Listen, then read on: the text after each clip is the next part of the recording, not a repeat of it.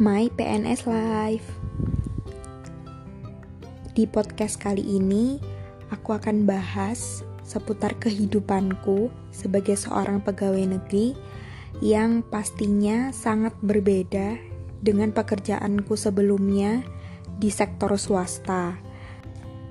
Nah, untuk disclaimer sebelumnya, ini tuh apa yang aku alamin di salah satu instansi, bukan berarti uh, di instansi lainnya itu sama, mungkin juga berbeda atau juga ada yang sama.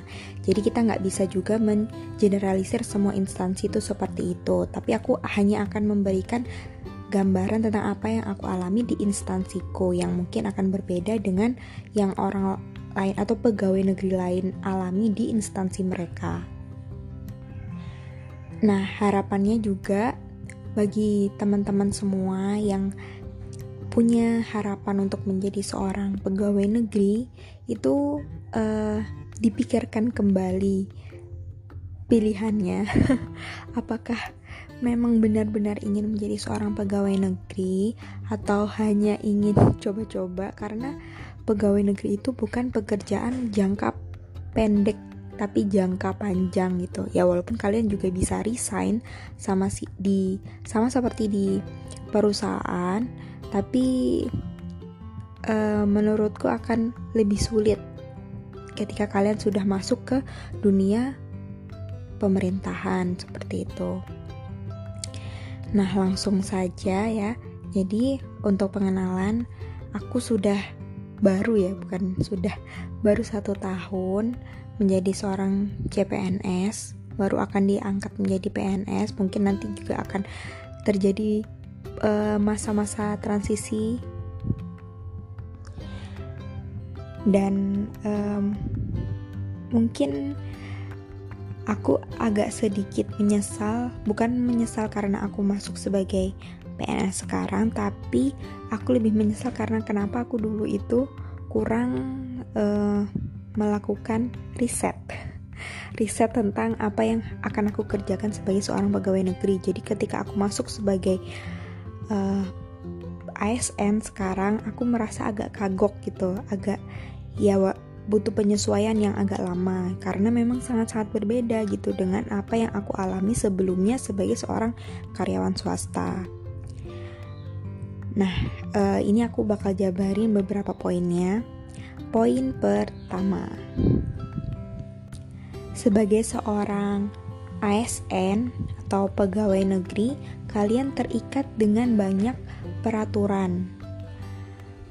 Dari mulai pakaian yang harus kalian kenakan, jam kerja, lalu apa yang boleh dan tidak boleh kalian lakukan itu semuanya diatur dengan peraturan yang jelas. Bahkan dalam masalah gaji pun itu cukup transparan karena kalian sudah digolongkan menjadi beberapa golongan dan kelas dan itu semua sudah tercantum di peraturan perundang-undangan. Jadi kalau kalian yang belum jadi PNS dan punya cita-cita untuk uh, masuk sebagai seorang PNS, kalian bisa cek dulu gaji, lalu berapa tunjangannya itu semuanya terbuka karena sudah diatur dalam peraturan perundang-undangan. Jadi cukup transparan. Kalian nggak usah kira-kira lagi berapa sih ya tunjangannya, berapa gaji pokoknya, apa saja sih benefit yang didapat itu semua sudah diatur dengan jelas. Jadi mungkin kalau teman-teman yang masuk ke PNS dan mengira bahwa PNS itu bergaji besar, nah kalian perlu cek ulang apakah gaji PNS itu sesuai dengan ekspektasi kalian.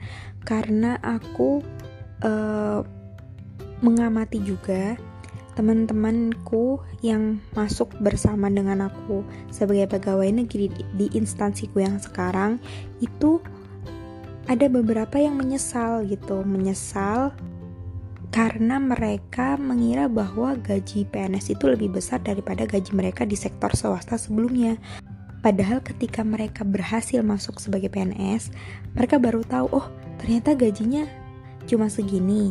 Nah, gaji ini adalah sesuatu yang uh, subjektif gitu. Kadang kalau aku menurutku cukup gitu tapi ada teman yang lain yang merasa itu kurang gitu jadi perlu kalian cross check juga kalau kalian berorientasi terhadap gaji ya semua orang juga yang bekerja pasti harapannya adalah mendapatkan gaji yang layak gitu. Tapi standar layak setiap orang itu berbeda-beda. Buat kalian yang ingin masuk sebagai seorang PNS bisa dicek dulu gajinya apakah sesuai dengan ekspektasi kalian atau belum karena jangan sampai terlambat mengetahui hal itu dan kalian pada akhirnya tuh ingin mundur nantinya. Poin kedua, kita sebagai seorang pegawai negeri banyak berurusan dengan hal-hal bersifat birokratif yang pastinya itu semua terkait dengan peraturan perundang-undangan. Nah, ini adalah salah satu yang membuat aku sedikit kagok ketika pertama kali masuk sebagai seorang ASN. Kenapa? Karena segala sesuatunya tuh diatur dalam peraturan perundang-undangan, mulai dari undang-undang, turun ke peraturan presiden, turun ke peraturan menteri, bahkan di bawahnya itu masih banyak seperti kalau di tempatku ada surat edaran menteri, lalu ada spesifikasi teknis yang harus diperhatikan ketika kita bekerja. Nah, di sini perlunya kita membaca semua peraturan yang ada. Bagi sebagian orang, termasuk aku, aku belum terbiasa untuk membaca semua peraturan dan memahami bahasa undang-undang yang menurutku itu jelimet gitu.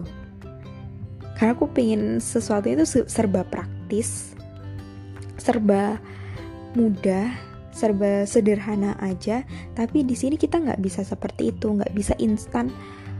Oh ini tuh seperti ini, ini tuh seperti itu. Pasti semua harus kita kembalikan ke peraturan perundang-undangan yang mengatur tentang hal tersebut. Nah, ini tuh punya tujuan yang baik. Kenapa? Agar setiap yang kita lakukan itu dilindungi oleh peraturan yang jelas.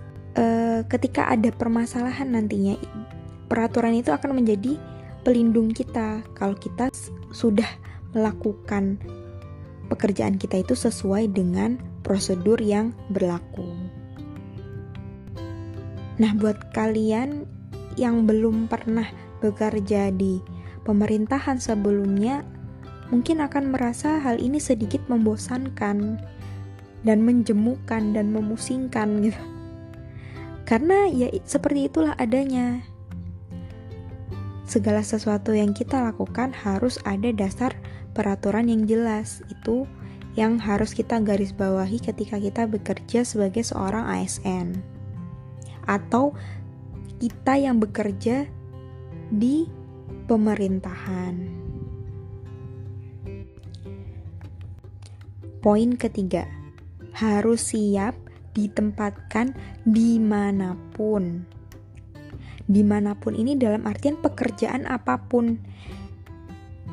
Bagi kita yang mungkin baru lulus, yang masih berharap bekerja sesuai passion mungkin harus dipikirkan ulang jika ingin masuk ke dunia pegawai negeri atau ASN. Kenapa?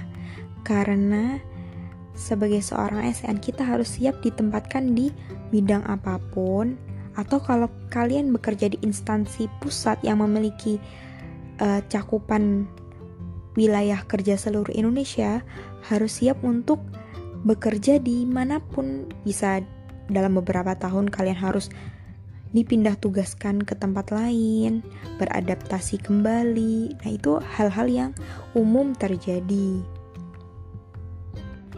Dan banyak kasus juga misal kamu lulusan teknik A, tapi ternyata bekerja di bagian yang sangat tidak berhubungan dengan background studi kalian, dan kalian harus menerima hal itu karena itu adalah keputusan.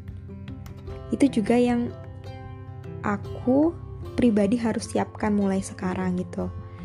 Dan aku belajar untuk oh ini sekarang aku ada di sini. Pekerjaanku atau tugas dan fungsiku ini walaupun tidak sesuai dengan background studiku sebelumnya ya tapi ini adalah tugasku dan aku harus melaksanakan dengan sebaik mungkin. Dan bagi beberapa orang hal itu berat. Banyak yang masih merasa aku nggak cocok di sini aku inginnya tuh di bagian A tapi aku kok ditempatkan di bagian B gitu dan itu akan sangat menghambat pekerjaan kita karena kita nggak merasa me, karena kita nggak merasa suka dengan pekerjaan itu. Intinya adalah pikirkan kembali keputusan kalian jika ingin menjadi seorang pegawai negeri. Dan siapkan mental kalian karena banyak sekali teman-teman yang akhirnya mundur gitu.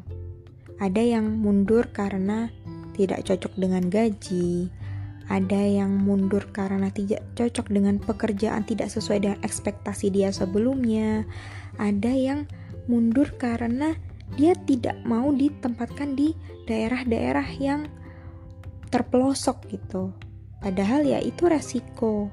Makanya ketika kalian daftar sebagai seorang pegawai negeri, saranku dicek lagi formasi itu tuh nanti akan bekerja di mana. Apa kalau kalian takut ditempatkan di tempat yang di luar ekspektasi kalian, kalian lebih baik mendaftar di instansi-instansi yang sudah spesifik lokasi kerjanya, misal dinas apa, dinas provinsi A gitu. Nah, dia akan uh, lebih spesifik daerah yang berarti kalian hanya akan bekerja di provinsi A.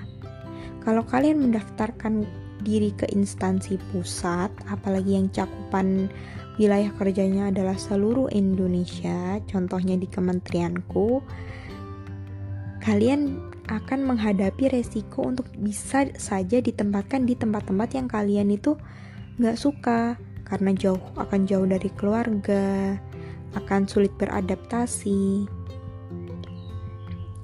Dan itu aku baru tahunya ketika aku masuk. Aduh, terlambat sekali ya tahunya. Tapi ya sudahlah mungkin takdir ya. Poin keempat, tiga poin sebelumnya mungkin itu semacam disclaimer buat kalian semua yang daftar. Nah, di sini poin keempatnya aku kasih yang sisi positifnya menurutku.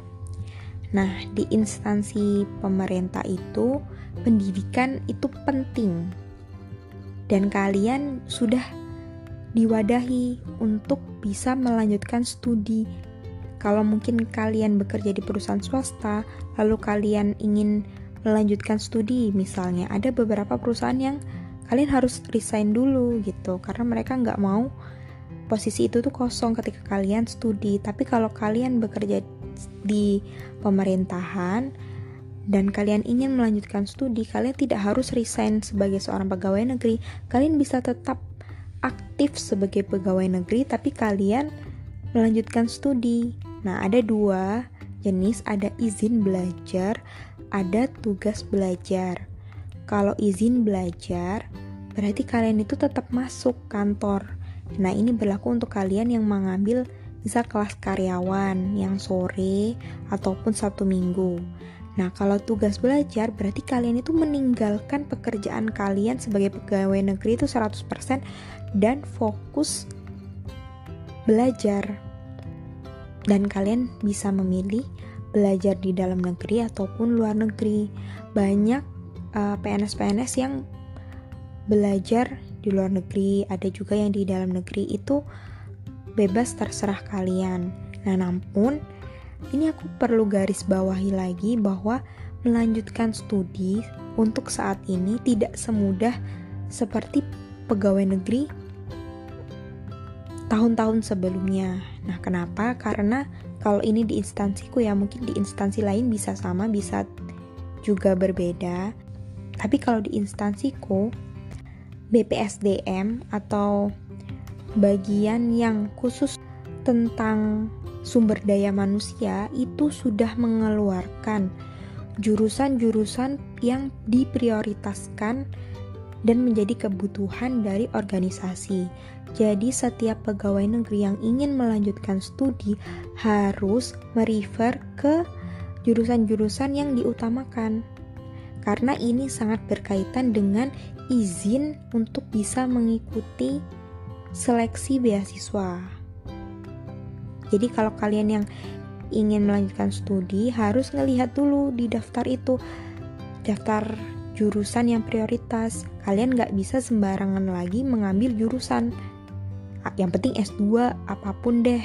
Nah nggak bisa lagi, harus sesuai dengan kebutuhan organisasi. Dan kalau di instansiku sekarang tidak ada lagi beasiswa yang dikeluarkan oleh instansi.